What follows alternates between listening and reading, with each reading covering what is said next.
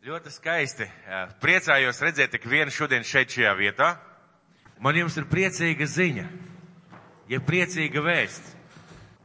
Patiesi priecīga ziņa un patiesi priec, priecīga vēsts. Un ziniet kāda? Ziemassvētki nav beigušies. Un līdz Kristus otrai atnākšanai viņi nebeigsies. Tas nozīmē, ka mēs varam svinēt ne tikai šodien, bet arī rīt un parīt. Un pagriezies pret savu kaimiņu vai kādu, kas sēž tev blakus vai pa labi vai pa kreisi un pasaka, Ziemassvētki nav beigušies. Es pateicos svētajiem garam par to, ka viņš mūs māca daudz dažādas lietas. Un reizēm cilvēki ir teikuši, ka Jānis rāda visādas eksperimentus, draudz priekšā un visādas, visādus figūras tājas. Es pateicos svētajiem garam, ka viņš man mācīja sludināt, tā kā sludināja jēzus ar līdzībām. Vai jūs atceraties, cik jēzus līdzības pateica? Ļoti daudz pareizi. Ļoti daudz līdzības, un to viņš darīja kāpēc? Ne kaut kādu īpašu garīgu apsvērumu dēļ, vienkārši tāpēc, lai cilvēki labāk saprast. Lai cilvēki labāk uztvertu un lai cilvēki spētu sekot tiem vārdiem, ko viņš stāstīja. Un ja viņam izdevās, es ticu, ka arī mums var izdoties. Pareizi, amen. Tāpēc man jums šodien būs viena līdzība. Kas tas tāds ir? Kā jūs domājat? Vispār tas ir dekors. Vispār tas ir dekors. Es neatceros, kādā veidā un kādā ceļā viņš nonāca manā namā, bet man viņš iepatikās. Man viņš stāv manā mazajā kabinetiņā, tur uz galda, un es nedomāju, skatoties viņu par makšķerēšanu, vienkārši viņš tā arī tur stāvēja. Bet vai ir kāda starpība starp šiem pludiņiem? Ir kāda starpība?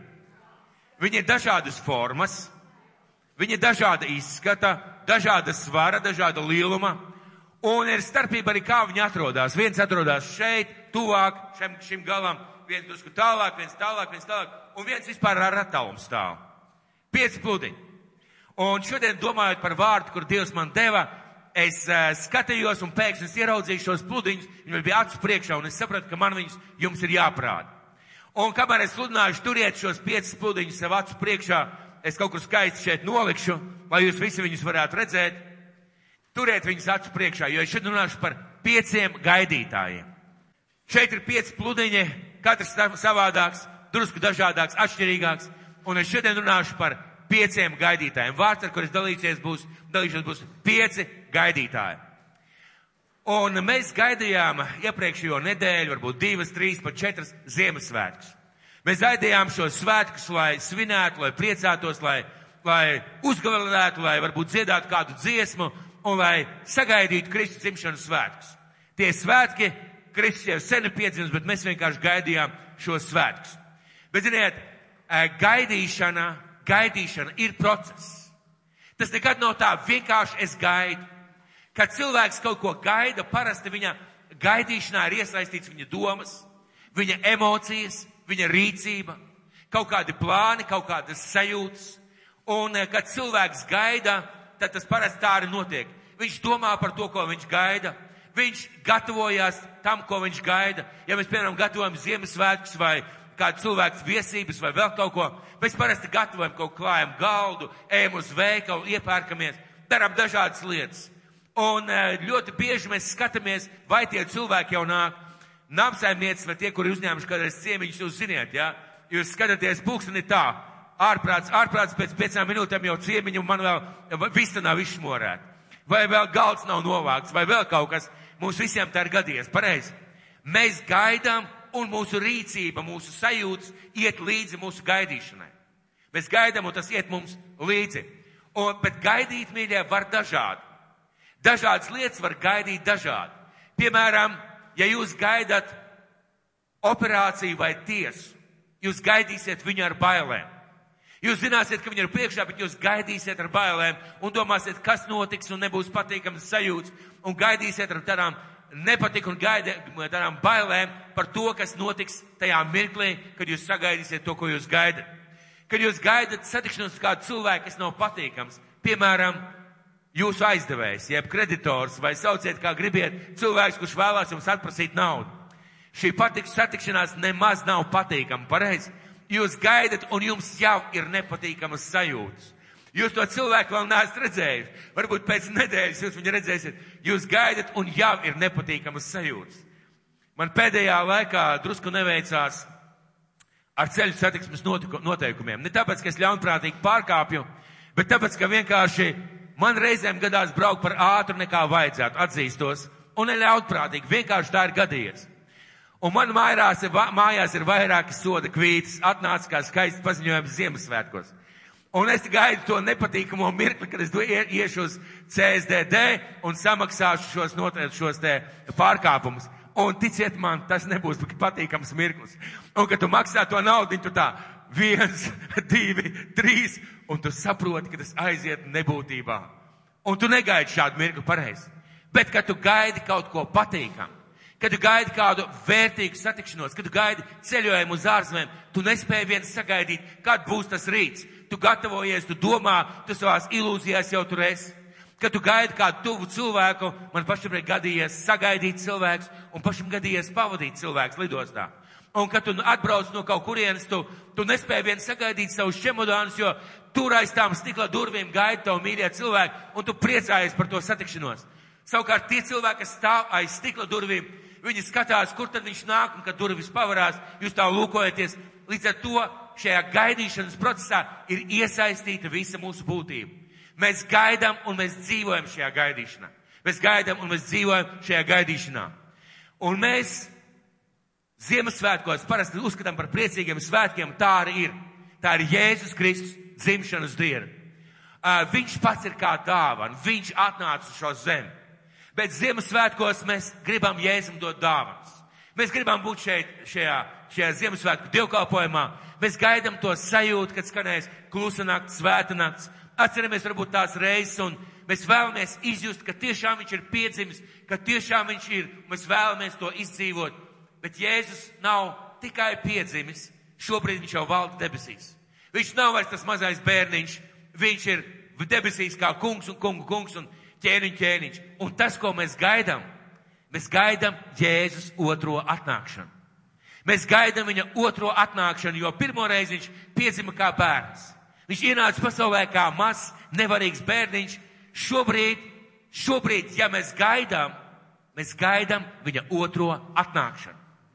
Un mūsu sajūtas, mūsu rīcība, mūsu darbība viņai vajadzētu parādīt mums pašiem pirmām kārtām, vai mēs gaidām viņa atnākšanu. Vai mēs gaidām viņa atnākšanu uz šo zemi otrais kā kungam, kā ķēniņam. Kā saprast, jeb kā sajust, kā izprast, vai es gaidu. Vai jūs man varat pateikt, kā, kā es varētu iztestēt sevi, vai es gaidu viņa otru atnākšanu? Vai tas ir atkarīgs no laika, ko es pavadu pie logas, skatoties uz debesīm? Kā jūs domājat? Iedomājieties, kristiet, viņš sēž gadu, divus, trīs skatās uz debesīm. Tas kungs drīz nāks, meklējiet baltus palagus. Vai tas izskatās, teiksim, tā, ka mēs vienkārši, eh, es nezinu, staigājam tādā noskaņā, tūlīt viņš nāks un neko nedaram? Parasti, kad mēs gaidām Kristus otro atnākšanu, ir kāds fantastisks tests, ko Jēzus pats pateica. Vai jūs atceraties, ko viņš pateica par pirmo bausli? Kāds cilvēks viņam pajautāja, kas ir svarīgākais Dievu valstībā? Kas ir svarīgākais priekš cilvēku? Kā, kā aizskart Dieva sirdi ar savu gaidīšanu, tā kā mēs šodien varētu teikt? Un ja es teicu, lūk, pirmais iemesls, pirmais veids, vienīgais veids, kā jūs pa īstam varat gaidīt. Mīli Dievu to kungu savu no visas sirds, no visas dvēseles, no visa prāta un no visa spēka. Sirds, tas tas, ka viņš man ir svarīgāks par visu. Mana dvēsele, tās ir manas emocijas, ar kādām es ar viņu satiekos un esmu kopā. Mans prāts, es cenšos viņu saprast, es cenšos viņu iepazīt, es cenšos viņu izprast. Un manas, mans spēks ir tie darbi, ko es daru priekš Dievu. Un ja mēs tādā gaismā paskatāmies, mēs ieraugām, vai mēs viņu gaidām, vai mēs viņu gaidām, vai patiesi mēs gaidām, kad viņš atnāks uz šo zemi otrai. Bet ir pilnīgi skaidrs, ka viņš atnāks. Tā kā pirmo reizi viņš atnāks arī otru reizi. Man personīgi daudz gadus atpakaļ uzrunāja tie vārdi no apstoļu darba grāmatas pirmā, pirmās nodaļas, vai jūs atcerieties? Mācekļi kopā ar Jēzu. Jēzus gatavojas pacelties debesīs, un tad Jēzus sāk pasakt pēdējos vārdus, un viņš sāk celties gaisā. Un rakstīts, ka mākonis viņu uzņēma, bet viņi joprojām turpināja skatīties, un viņu šīs te ilga šī sajūta, ka Jēzus aizgāja, ko mums tagad darīt, ir tik milzīgas ka Dievs ir spiests sūtīt divus eņģeļus, kas viņam saka, vīri, ko jūs skatāties uz debesīm? Tas jēzus, ko jūs redzējāt aizējiem, nāks tieši tāpat, kā jūs redzējāt viņu uh, uh, atnākam, aizējiem. Viņš nāks tieši tāpat, kā jūs redzējāt viņu aizējiem. Tas nozīmē, ka mums nav jāskatās apkārt, mums ir jāskatās laiks un jāskatās pirmām kārtām savā sirdī. Un es šodien gribētu runāt par pieciem dažādiem gaidī, gaidītājiem, kas gaida Ziemassvētkus, jeb gaida Jēzu Kristu. Kas toreiz gaidīja un kas šoreiz gaida. Pieci dažādi gaidītāji. Un pirmie gaidītāji ir ganiņi. Un lasīsim no Lūkas evaņģēlija. To vēstu, ko mēs lasījām arī vakar. Un noteikti arī mājās esam pārlasījuši. Lūkas evaņģēlijas otrā nodaļa no 6. līdz 20. pantam.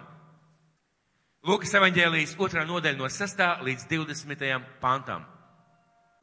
Un tiem turpat esot, viņai laiks tāds dzemdēt. Un viņai piedzima pirmdzimtais dēls, un viņa to ietina autiņos, lika silē, jo tiem citur nebija telpas tajā mājvietā. Un gan nebija ap to pašu vietu laukā. Tie nomodā būdami sargāja naktī savus lopus. Un tā kunga eņģēlis pie tiem piestājās, tā kunga spožums tos apspīdēja, un tie bijās ļoti. Bet eņģēlis tiem sacīja, nebīsties, jo redz, es jums pasludinu lielu prieku, kas visiem ļaudīm notiks. Jo jums šodien pestītājs dzimis Dāvida pilsētā, kas ir Kristus tas kungs, un to ņemieties par zīmi. Jūs atradīsiet bērnu autosietīt un silē guļošu. Un piepiš tur pie eņģeļa, bija debes pulka draudzi, tie slavēja Dievu un sacīja, gods Dievam augstībā un miers virs zemes un cilvēkiem labs prāts. Un kad no eņģeļi no tiem bija aizgājuši uz debesīm, tad gani runāja savā starpā. Ejma tad nu uz Betlēmu raudzīt. Kas noticis, ko tas kungs mums licis paziņot?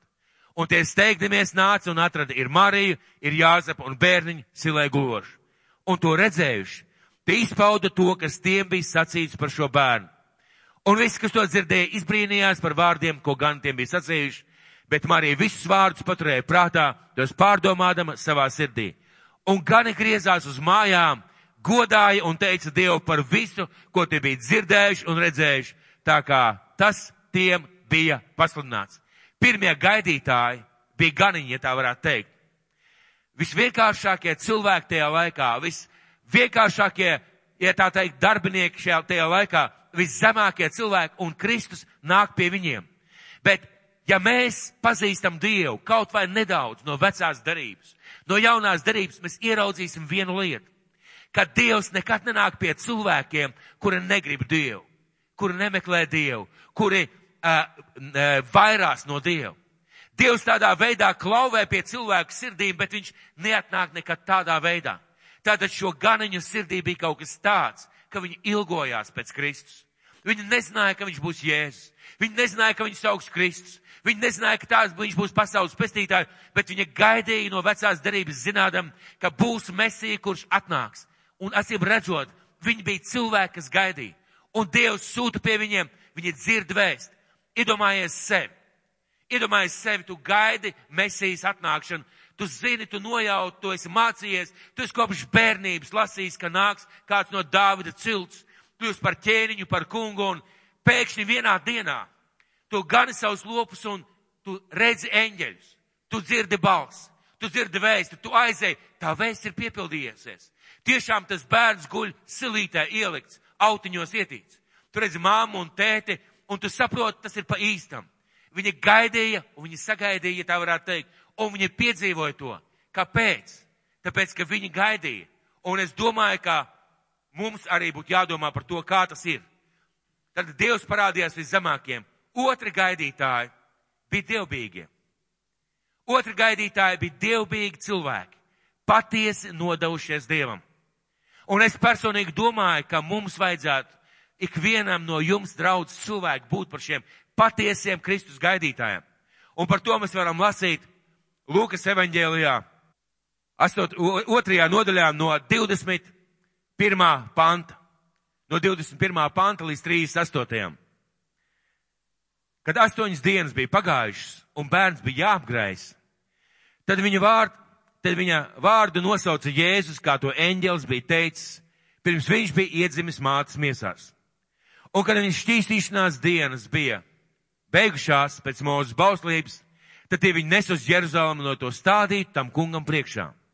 Pēc tā kunga bauslības priekšrakstiem katrs vīriešu kārts pirmdzimtais, lai ir Dieva svētīts.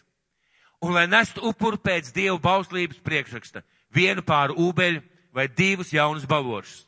Un redzi, viens cilvēks bija Jeruzalemē, vārdā Simjāns.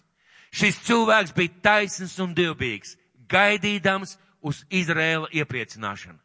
Un svētais gars bija viņā. Viņam svētais gars bija pasludinājis, ka tas nāvi neredzēšot, tiekams nebūšot redzējis tā kunga svaidīto. Tas svētā gara skubināts nāca Dieva namā, kad vecāki Jēzus bērnu ienes, lai aizpildītu, piepildītu pie viņa baustības paražu. Tad to no uz savām rokām ņēmis, viņš Dievu teica un sacīja, kungs, lai nu tavs kalps aiziet mierā, kā tu esi sacījis, jo manas acis ir redzējuši tavu pestīšanu, ko tu esi sataisījis visiem ļaudiem. Gaismu apgaismot pagānus par slavu savam Izraēlu ļaudīm, un Jāzeps un viņa māte brīnījās par to, ko viņš runāja.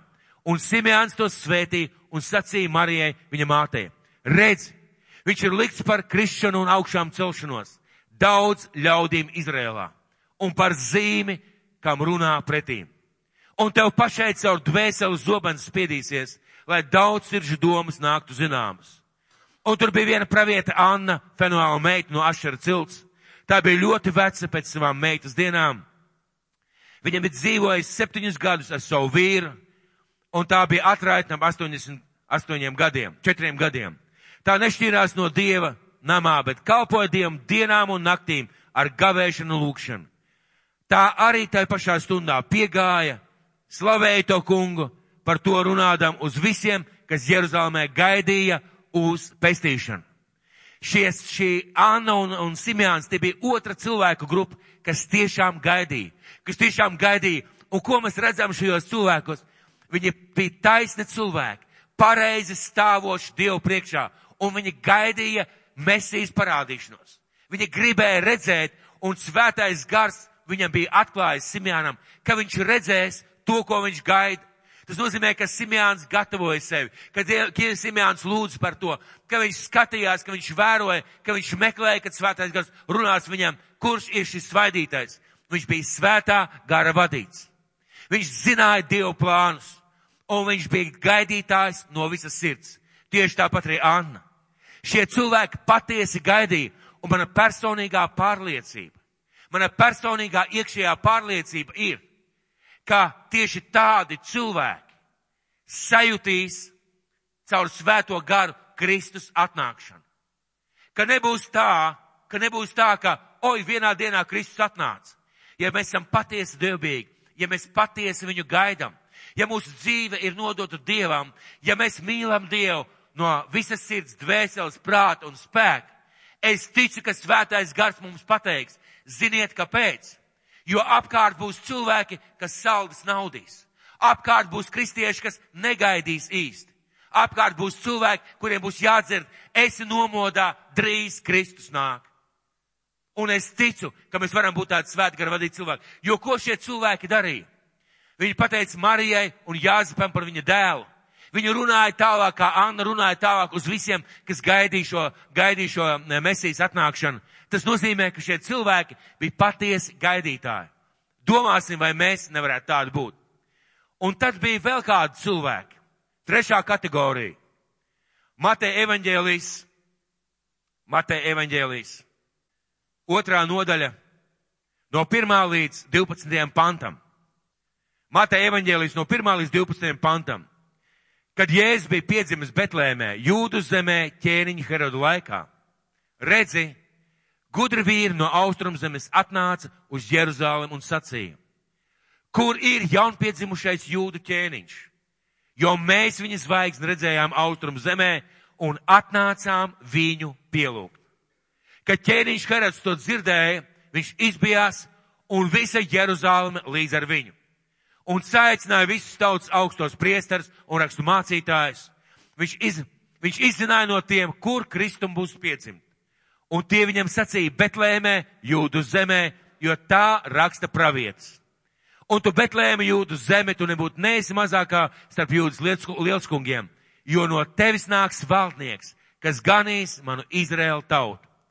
Tad Herods paslapens aicināja gudros, sīk izjautāja tiem par zvaigznes atspīdēšanas laiku, un viņš to sūtīja uz Betlēmu un sacīja, ej un ievāciet rūpīgas ziņas par to bērnu. Kad jūs viņu atradīsiet, tad paziņojiet to man, kā ar es aizēju viņu un pielūdzu. To no ķēniņa dzirdējuši tie aizgāja un redzi, zvaigzni, ko tie bija redzējuši austrum zemē, gāja tiem pa priekšu un nostājās pār namu, kurā bija bērns. Un zvaigzni ieraudzījuši, tie priecājās ar varenu lielu prieku. Un namā iegājuši, tie ieraudzīja bērnu līdz ar Mariju, viņa māti. Tie nometās ceļos un viņu pielūdza, tad tie atvēra savas mantas un dāvāja viņam zeltu, vīraku un mirras. Un sapnī saņēmuši norādījumus pie karoda neatgriezties, tie aizgāja pa citu ceļu uz savu zemi. Bet, kad tie bija aizgājuši, redzi tā kunga eņģels parādēs Jāzbam sapnī un sacīja celies, ņem bērnu viņa māti un beidz uz Ēģiptu un paliec tur, kamēr es tev to teikšu, jo Herods meklē bērnu nokaut. Trešā kategorija, kas gaidīja Kristus atnākšanu, bija šie austrumu gudrie. Šie vīri, un šeit ir viena lieta, par ko daudzus gadu simtus draudzē, kristīgajā draudzē ir nepareizi mācīts un runāts un sludināts. Zinātne nekonfliktē, ja tā ir patiesa zinātne ar kristīgo ticību. Zinātne tieši atklāja tās lietas, tos likumus, ko Dievs ir iedibinājis. Un ir vesela tāda kustība, ko sauc par zinātniekiem, viņu vārds ir kreacionisti. Tātad radīšanas piekritēji. Šie cilvēki caur fiziku, caur matemātiku, caur bioloģiju, caur dažādām lietām, kuras viņi pēta, viņi ir atklājuši un sapratuši, ka nav iespējams kaut ko tādu radīt no sprādziena. Nav iespējams, ka kaut kas tāds, kas ir uz zemes, rodās vienkārši pats no sevis, nejaušības gadījumā. Un šie cilvēki apliecina un stāsta un pasludina un māca, ka ir Dievs, ir kāds augstākais saprāts, kas visu ir radījis. Un acīm redzot, šie austrumu gudrie nebija astrologi. Acīm redzot, tie bija cilvēki, kur bija no tādas dabas, ir no tādas kategorijas cilvēki. Viņi bija pirmām kārtām reliģiski izglītoti. Acīm redzot, viņi bija reliģiski izglītoti, viņi bagāti, bija bagāti, cienīti, spriežot pēc dāvanām, kuras viņi atnesa. Viņi bija zvaigžņu zinātnes piekritēji, acīm redzot, iespējams, ka viņi bija ar medicīnu, ar dabas zinātnēm saistīti, tātad gudri cilvēki, un uh, vēsturnieki, teologi saka, ļoti iespējams, ka viņi atnāca no Irānas. Kāds man te teiks, viņi bija astrologi. Nē, astrologi viņi noteikti nebija. Jo Dievs pats ir pateicis, ka uh, astroloģija, ka zvaigžņu taujāšana, ka likteņu noteikšana pēc zīmēm, tā ir negantība viņa acīs. Acīm redzot, tie bija divbīgi cilvēki, kuriem Dievs bija devis gudrību.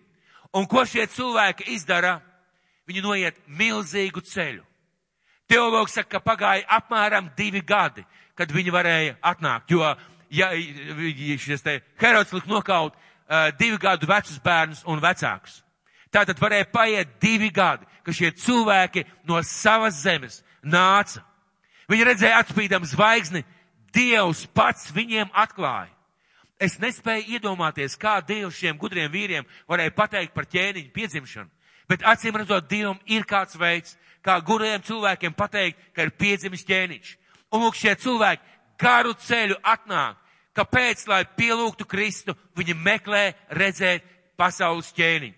Un viņi atnāk, atnes dāvanas, atnes bagātīgas lietas, viņi pielūdz, zemojās, un pēc tam mēs redzam, ka viņi aiziet projām saņēmuši no Dieva vēstu. Tas nozīmē, ka Dievs var uz viņiem runāt. Šie cilvēki arī bija patiesi gaidītāji. Bet ir vēl ceturtā grupa cilvēki, kas gaidīja negaidot. Vai jūs viņus pamanījāt? Šie cilvēki gaidīja negaidot. Tas ir tā kā es teicu, ka mēs gaidām Kristus atnākšanu, bet patiesībā mēs varam mierīgi negaidīt.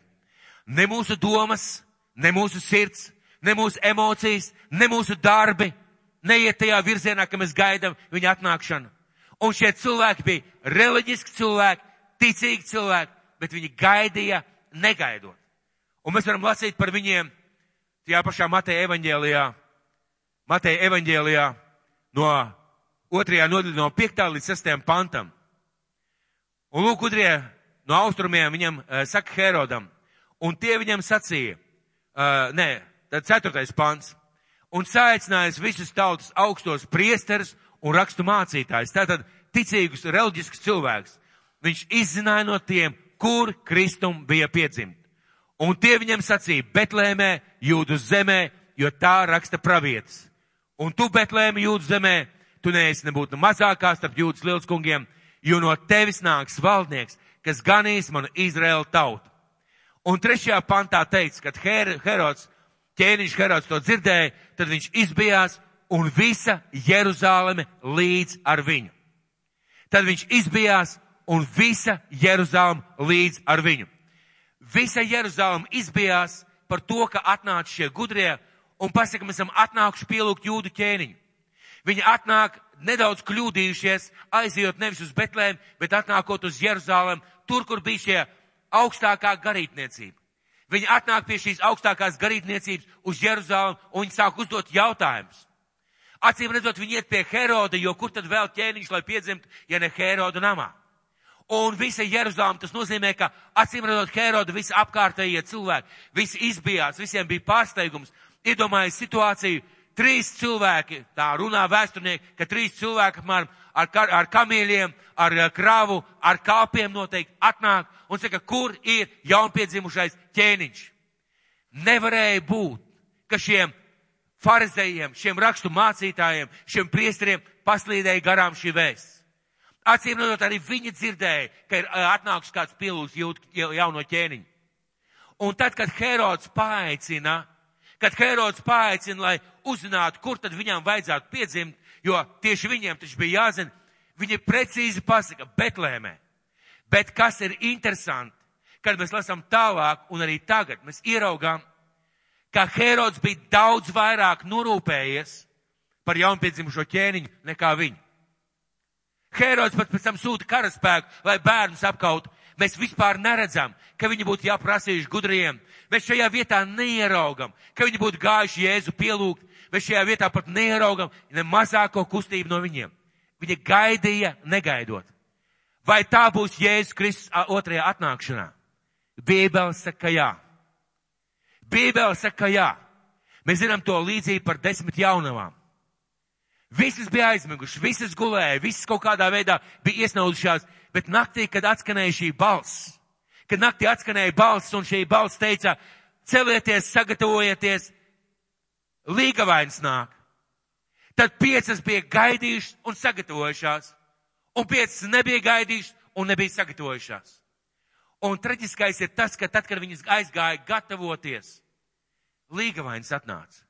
Līgavains atnāca gatavās līgavas iegāja, durvis tika aiztaisīts, pēc tam viņas atnāca un teica, ielaid mūs, mēs arī tevi gaidījām. Un ja es saku, es jūs nepazīstu, es jūs nepazīstu, ko tas nozīmē? Tas nozīmē, ka gaidīšana bez gaidīšanas nedara. Ja mēs nemīlam, ja necenšamies mīlēt Dievu no visas savas sirds, no visas savu prātu, no visas savu spēku un no visas savas dvēseles, Tas nozīmē, ka mēs it kā gaidām, tajā pašā laikā mēs negaidām. Mēs esam līdzīgi tiem cilvēkiem, kuri bija šie farizēji. Zinoši, saprotoši, pat zināja atklāsmes, pat zināja pravietojumus, lai Dievs mūs pasarg, ka mēs tādā veidā gaidām Kristotu atnākšanu. Jo viņš pilnīgi skaidri, ka nāks, bet mēs nevaram būt tādā stāvoklī. Bet tad bija vēl kāda grupa cilvēku. Tad bija vēl kāda grupa cilvēku Jeb šodien ir vēl kāda grupa cilvēku, kas gaidīja svētkus. Kas vienkārši gaidīja svētkus. Šodien tādu cilvēku ir daudz. Vienkārši gaida svētkus. Gaida svētku galdu, ga gaidā, lai uzdāvinātu dāvanas, lai saņemtu dāvanas, lai sūtītu viens otram apsveikumus, lai paspēst viens otram roku, un kad mēs ejam lielveikalos, mēs varam ieraudzīt šo kņadu un burzmu. Un uh, kas ir interesanti, šobrīd jau ir tādas ekstras. Mūsu pasaulē ir tādas ekstras. Tu vari Ziemassvētku laikā neiziet no lielveikaliem. Tu vari vienkārši tur dzīvot visu Ziemassvētku laiku. Tur tu vari paēst, tur tu vari nopirkt dāvanu, tur tu vari sagaidīt salveci, noskaitīt panteņu, saņemt pats dāvaniņu. Tu vari vienkārši tur dzīvot. Un cilvēki tādā veidā gaida Ziemassvētkus. Un gaida, gaidot ko? Vienkārši svētkus. Un te sākās interesants stāsts. Jo ne vienkārši gaidīšana ir gaidīšana. Ziniet, gaidīšana atnes kaut kādas izmaiņas. Kristus gaidīšana liek mums kaut ko piedzīvot. Un Kristus gaidīšana ievieš korekcijas mūsu dzīvē. Piemēram, skatīsimies, tie, kas gaidīja pa īstam, pirmām kārtām viņi gāja pie Jēzus. Viņi, regulā, viņi gāja pie Jēzus. Ko tas nozīmē manā dzīvē? Ja es gaidu Jēzus otro atnākšanu, es regulāri iešu pie viņa. Es centīšos lasīt, es centīšos lūgt, es centīšos nākt uz divkalpojumiem, es centīšos būt tajā vietā, kur viņš mani grib redzēt, kur viņš mani gaida. Un šodien šajā vietā es ticu, ka Dievs gaidīja visu draudz. Es šodien ticu, ka Dievs gaidīja visu draudz Ventspilī, ka Dievs gaidīja visu draudz Liepājā, Jelgavā, jebkurā vietā. Bet bija noteikti cilvēki, kas teica, ai, draudze ir tālu. Ai, šodien Ziemassvēt, laikam pagulēšu, laikam atpūtīšos, ai, es esmu ļoti noguris, man ir savas darīšanas. Šodien Jēzus noteikti gaidīja cilvēkus dievnamā. Un lūk, kas notika ar šiem cilvēkiem. Viņi gāja pie Jēzus, skatieties, gani gāja pie Jēzus. Viņi saņēma vēstu un viņi gāja pie Jēzus un viņi satika Jēzu. Ganiņi svētie, svētie gāja pie Jēzus, kad svētais gars viņus ieved šajā templī. Gudrie gāja pie Jēzus ļoti lielu gabalu. Ja tu esi Jēzus gaidītājs, tu iesi pie Kristus. Reizēm varbūt iznāks klūpot un krītot, reizēm varbūt iznāks grēkus žēlojot, reizēm iznāks, ai Dievs piedod, man tā sanāca, visu nedēļu nostrādāju, palīdz man Dievs turpmāk mācīties pavadīt laiku kopā ar tevi. Mēs nāksim pie Kristus, ja mēs tiešām viņu gaidām. Kas negāja pie Kristus? Negāja, negāja farizēji, negāja reliģiozie cilvēki, negāja tie cilvēki, kuriem viss par visu bija skaidrs. Viņi zināja labāk par visiem pārējiem, un viņiem pilnīgi pietika ar to, ar ko viņi zināja. Un, protams, neticīgi cilvēki, uh, ko viņas gaidīja, kas bija viņu dzīvē, kas šobrīd dzīvē, mielas, Ziemassvētki, skaista ģimeniska satikšanās. Man tiešām nekas nav pret ģimenes svētkiem Ziemassvētkos. Bet vai jūs nesat pamanījuši, kā šī labā ideja ir iespiedusies kristīgajā draudzē? Iespiedusies kristīgajā sabiedrībā, iespiedusies Kristus mācībā. Tā vietā, lai Ziemassvētku vakarā cilvēki iet uz dievnam kopā kā draudz pielūgtu Dievu. Cilvēki dodās pie kā? Pie radiem, pie draugiem, pie paziņām, pie vecmāmiņām, pie krustmāmiņām, pie tēviem, pie mātēm. Es pilnīgi ticu un zinu, ka to vajag. Mīļie, bet rīt vēl ir pilnīgi brīva diena. Paldies Dievam par Latviju. Paldies Dievam par šo zemi. Rīt ir pilnīgi brīva diena. Šodien vakars ir pilnīgi brīvs vakars. Mēs varam to izdarīt. Bet ja cilvēki, padomājiet paši, un izklausās ārkārtīgi skaisti, izklausās garīgi, izklausās emocionāli pareizi. Es un mana ģimene, mēs sapulcējamies kopā Ziemassvētku vakarā, mēs sagatavojam mīlestību, mēs saklājam galdu, mēs uzcepam zosi, mēs sakšmorējam zirņus, mēs sacepam speķīti, un tad mēs sēdam, cienājamies un svinam Ziemassvētkus. Mīļie, Ziemassvētki nav vēsts par speķīti. Un Ziemassvētki nebūtu nav vēsts par zirņiem.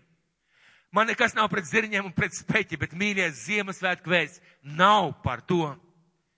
Bet skatieties, cik skaisti tas ir ienācis. Cik viltīgi tas ir ienācis. Un cik daudz cilvēku, pat kristīgi cilvēki, dzīvo tajā. Vienkārši dzīvo un paliek šajā sajūtā. Tātad šie piektā kategorija gaidīja vienkārši svētkus. Tie, kas gaidīja pa īstam, nesa augļus un pasludināja jēzus ienākšanu. Tie, kas gaidīja pa īstam, viņi pasludināja jēzus ienākšanu šajā pasaulē un viņi nes augļus. Sakiet, vai tas bija ganiņu auglis, ka viņi aizgāja pie Marijas, izstāstīja visu, ko viņa eņģeļi viņa, viņai bija pateikuši? Tas Marijai bija svarīgi. Tas Jāzbam bija svarīgi. Tas Kristum bija svarīgi, lai šie ganiņi atnāk. Man un tev ir svarīgi, jo mēs ieraugām, ka viņi devās, kad viņi dzirdēja vēst, viņi devās pie Jēzus. Viņi atnesa augļus. Mēs nezinām tālāk, kas notika ar viņu dzīvi. Bet acīm redzot, viņi stāstīja cilvēkiem, mēs eņģeļus dzirdējām, mēs balsi redzējām, tur ir bērniņš, mēs nezinām, varbūt atnāca vēl kāds pēc tam. Jo droši vien šie cilvēki stāstīja. Tā rakstīts, ka viņi stāstīja.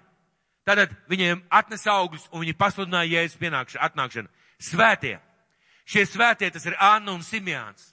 Viņi atnesa augļus ar ko? Iedomājieties, Simjāns, viņš nevis vienkārši iet dievnamā, nevis vienkārši iet templī. Viņš pravieto. Viņš pasaka vārdus, kas ir nozīmīgi uh, Marijas dzīvē. Viņš pasaka vārdus par šo bērniņu, un man ir svarīgi lasīt. Man ir svarīgi lasīt to, ko Simjāns pateica. Viņa vārdiem ir augļi vēl līdz pasaules galam. Un šis vīrs, šis Simjāns un Anna, viņi stāsta apkārtējiem par šo bērniņu. Rakstīts, Anna runāja uz visiem, kas gaidīja jē, šo te mesijas atnākšanu. Tātad šie cilvēki, kuri ir gājuši pie jēzus, viņi atnes augus un piedzīvoja savā dzīvē, ka viņi nes augus. Gudrie, gudrie ne tikai, ne tikai vienkārši atnāca klusiņām nolikt savas dāvanas. Iedomājies, šie pāris cilvēki, uzskatīsim, ka trīs. Viņi ir kā simbols, kā simbols, kā gudrība, bagātība, zināšanas neiet pret ticību Dievam. Kā simbols tam, ka Dievs pieņem gan nabagus, gan bagātus. Viņi atnesa augļus ar savām dāvanām. Iedomājieties, ka viņi pielūdz Jēzu no atnesa zeltu, vīraku un mirras dārgas lietas. Un teologs saka, ka iespējams tieši ar šīm lietām, šīm lietām jāsaps ar Mariju izdzīvo Ēģiptē. Jo, kad tu aizbēdz, ka tu esi bēglis, tu ko tu vari paņemt līdzi? Bet ja tev ir zelts, ja tev ir dārgas lietas, kas nav varbūt liels, liels maisis līdzi, tu vari izdzīvot. Un teologs saka, tieši ar šīm lietām.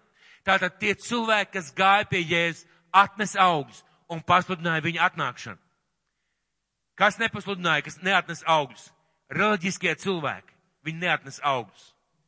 Šie cilvēki, kas it kā ticēja Dievam, tie cilvēki, kas iet kristīgajā draudzē, kuri nemeklē Kristu, kuri vienkārši dzīvo, kā kāda māsa teica, kā pludiņš, peld pa virsmu.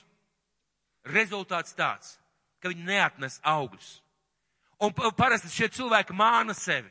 Vienkārši māna sevi, es eju draudzē, es esmu kristietis, es reizēm aizēju uz baznīcu. Ļoti iespējams, ka es dodu Dievam desmito tiesu, kad man sanāk, bet parasti viņi neatnes augļus. Viņi nepasludina Kristus atnākšanu. Un, protams, piektā kategorija cilvēki, kuri gaida tikai svētkus, kuri gaida svētkus. Viņi gaida mīlestību, viņi gaida svinības, viņi gaida tikai to, kas būs Ziemassvētkos, šo svētku mīlestībām. Tiem, kas pa īstam gaidīja, tikšanās izmainīja dzīvi. Pirmā lieta viņa gāja, otrā lieta viņa atnesa augļus un pasludināja viņa atnākšanu. Un trešā lieta, viņš šī tikšanās izmainīja šo cilvēku dzīves. Esmu pilnīgi pārliecināts. Jebkurš no mums, piemēram, skrūvējot mašīnu, labojot elektriskos vadus, virtuvē gatavojot vai, es nezinu, zāģējot dēļus, liekot uz jumta vai mācoties studijās, sēžot studenta krēslā. Ja jūs redzētu eņģeli, ja jūs piedzīvot, ka eņģeļu koris jums blakus dzied, ja jūs piedzīvot, ka eņģelis pasaka, tas un tas ir noticis, jūs aiziet un ieraudzīt, tas pilnīgi viennozīmīgi izmainīt un iespaidotu jūsu dzīvi. Viennozīmīgi. Šie gani nepalika tie paši. Pārliecināts, ka viņu dzīve izmainījās. Šie svētie Anna un Simjāns Iedomāsimies Simjānu. Sirms vīrs, visu mūžu kalpojis Dievam, mīlējis Dievu, gaidījis Dievu. Viņš piedzīvos svētā gara vadību. Un viņam svētais gars atklāja, viņš ieiet tieši tajā mirklī un tajā laikā, kad Jēzu ienes. Es pats zinu, kā tas ir. Kad Dievs tev naktī parāda sapni par lietām, kas notiks nākošajā dienā. Lielākā sajūsma, ziniet kāda? Dievs man parādīja. Viņš ir ar mani. Neatkarīgi kāds tas rezultāts. Tā ir fantastiska sajūta, ka tu piedzīvo, ka Dievs tev to iepriekš jau parādīja skaidrā tekstā. Nav labākas sajūtas. Es domāju, ka Simjāns piedzīvoja šo neticamo gandrību. Jā, Dievs ir ar mani. Viņš man parādīja, viņš man atklāja. Es to piedzīvoju, šo mesijas atnākšanu. Un Anna tieši tāpat. Anna tieši tāpat. Arī viņas dzīve noteikti izmainījās. Jo viņi saprata, bija vērts lūgt, bija vērts gavēt, bija vērts Dievu meklēt. Kas vēl? Gudrie. Gudrie piedzīvo Dievu klātbūt. Un tagad iedomājies, es tiešām iedomājos, ka viņi sāk savu gājienu no Irānas. Varētu būt divi gadi šajā ceļā, varbūt mazāk, varbūt vairāk, lai teologi ar to tiek galā.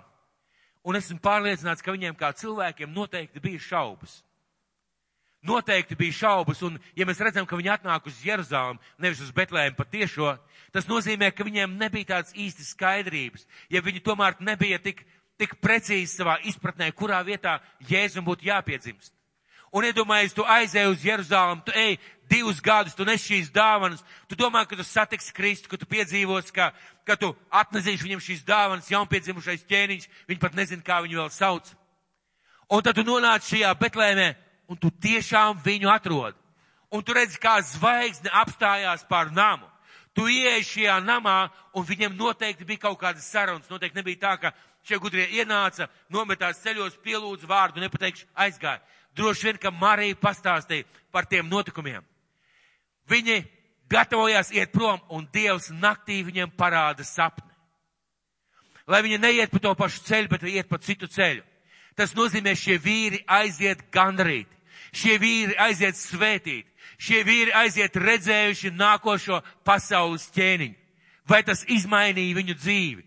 Viennozīmīgi. Ziniet, kam dzīve neizmainījās? šiem reliģioziem, ticīgiem cilvēkiem, kas gaidīja negaidīdam. Viņu dzīve neizmainījās ne ar ko. Viņi joprojām palika gaidīt un joprojām gaida. Jūs ziniet, ka ebreji joprojām gaida. Joprojām gaida mesijas atnākšanu, joprojām gaida, kad viņš atnāks. Daudz ticīgie gaida, gaida negaidīdam. Gaida negaidīdami, un tas nav pareizs, nav tas, ko Dievs ir vēlējies. Un vēl, kas, kur dzīve nemainās, Ziemassvētki vakar beidzās, pareizi. Slava Dievam par to, ka šodien ir Ziemassvētki. Var turpināt līksmot. Rīt brīvdiena atkal var uzlīksmot. Un tad ir jaunais gads. Un tad gaidīsim nākošos Ziemassvētkus. Uh, lielveikali izpārdot rotājumus, eglītes. Uh, cilvēki no saviem dzīvokļiem iznes eglītes, noliek pie mājas stūriem, un tāds kupls mežs saug, lai, lai sētnieki tiek ar to galā. Uh, šampāniešu pudeles, izskanējušas urravas, izdzerts alkohols, viss ir skaisti, gaidam nākošos svētkus. Un šo cilvēku kategorijai dzīve neizmainās. Dzīve neizmainās. Kā mēs gaidījām un kā mēs gaidām Kristus dzimšanas dienu. Kā mēs gaidām viņa otro atnākšanu. Ja mēs neesam satikuši Kristu, mēs varētu teikt, ka mēs nezinām šo vēsti un mums vajag, lai kāds viņu pastāst. Bet ja mēs Jēzu esam piedzīvojuši, ja mēs viņu esam satikuši, es gribētu jūs tiešām aicināt. Es gribētu jūs no visas sirds aicināt. Būsim gaidītāji. Būsim tiem, kas, tiem, kas gaida, kas skatās apkārt, kas skatās Bībelē, kas tiekās ar viņu dienu no dienas, lai gaidītu viņu otro atnākšanu. Un nevis vienkārši kaut kā reliģiozi, bet reāli, bet reāli, lai gaidītu viņu atnākšanu. Kas notiek tālāk? Un Lūkas evaņģēlijā, Lūkas evaņģēlijā otrajā nodaļā, 40. pants. Mēs jau lasām, kad Jēzum ir 12 gadi, un lūk, Lūkas evaņģēlijas 40. pants. Bet bērns auga un tāpēc stiprs garā, pilns gudrības un Dieva žēlastība bija ar viņu. Tas ir tas, kam katram, katra dzīvē vajadzētu notikt ar Jēzu. Man tāds vienkāršs jautājums, draudz. Vai Jēzus tevī aug?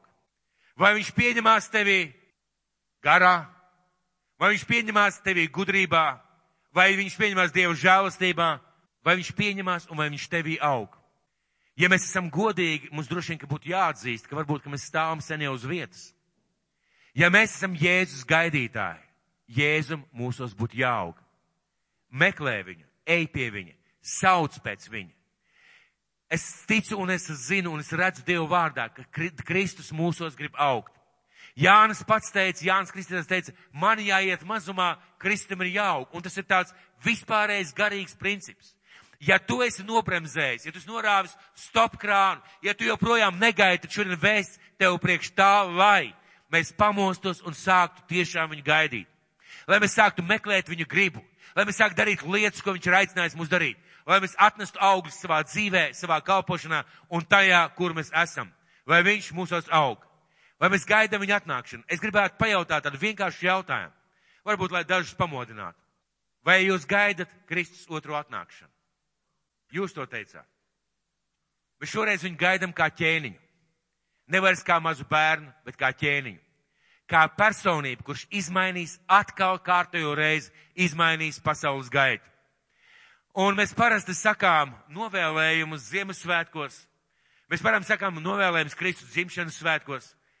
Un man šodien no rīta radās jautājums, kā jūs domājat, ko Kristus teiktu Ziemassvētkos savai draudzē? Mums noteikti katram varbūt būs sava atbilde. Ziniet, kāda man bija sajūta?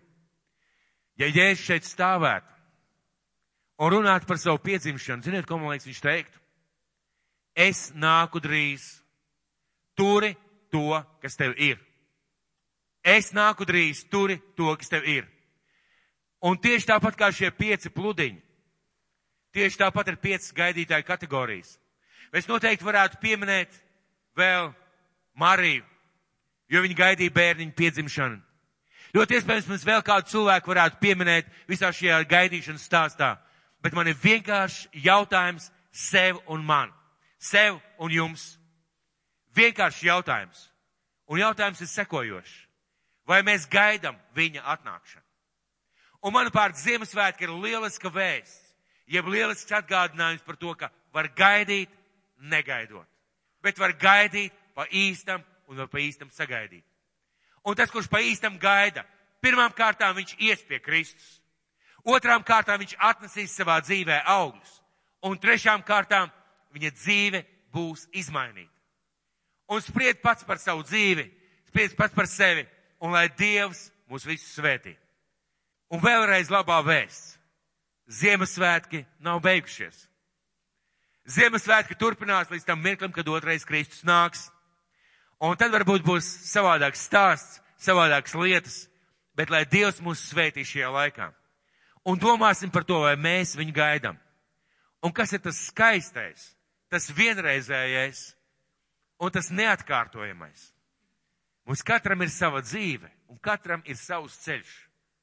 Un tikai mēs katrs personīgi varam pateikt, vai es viņu gaidu, vai es viņu negaidu.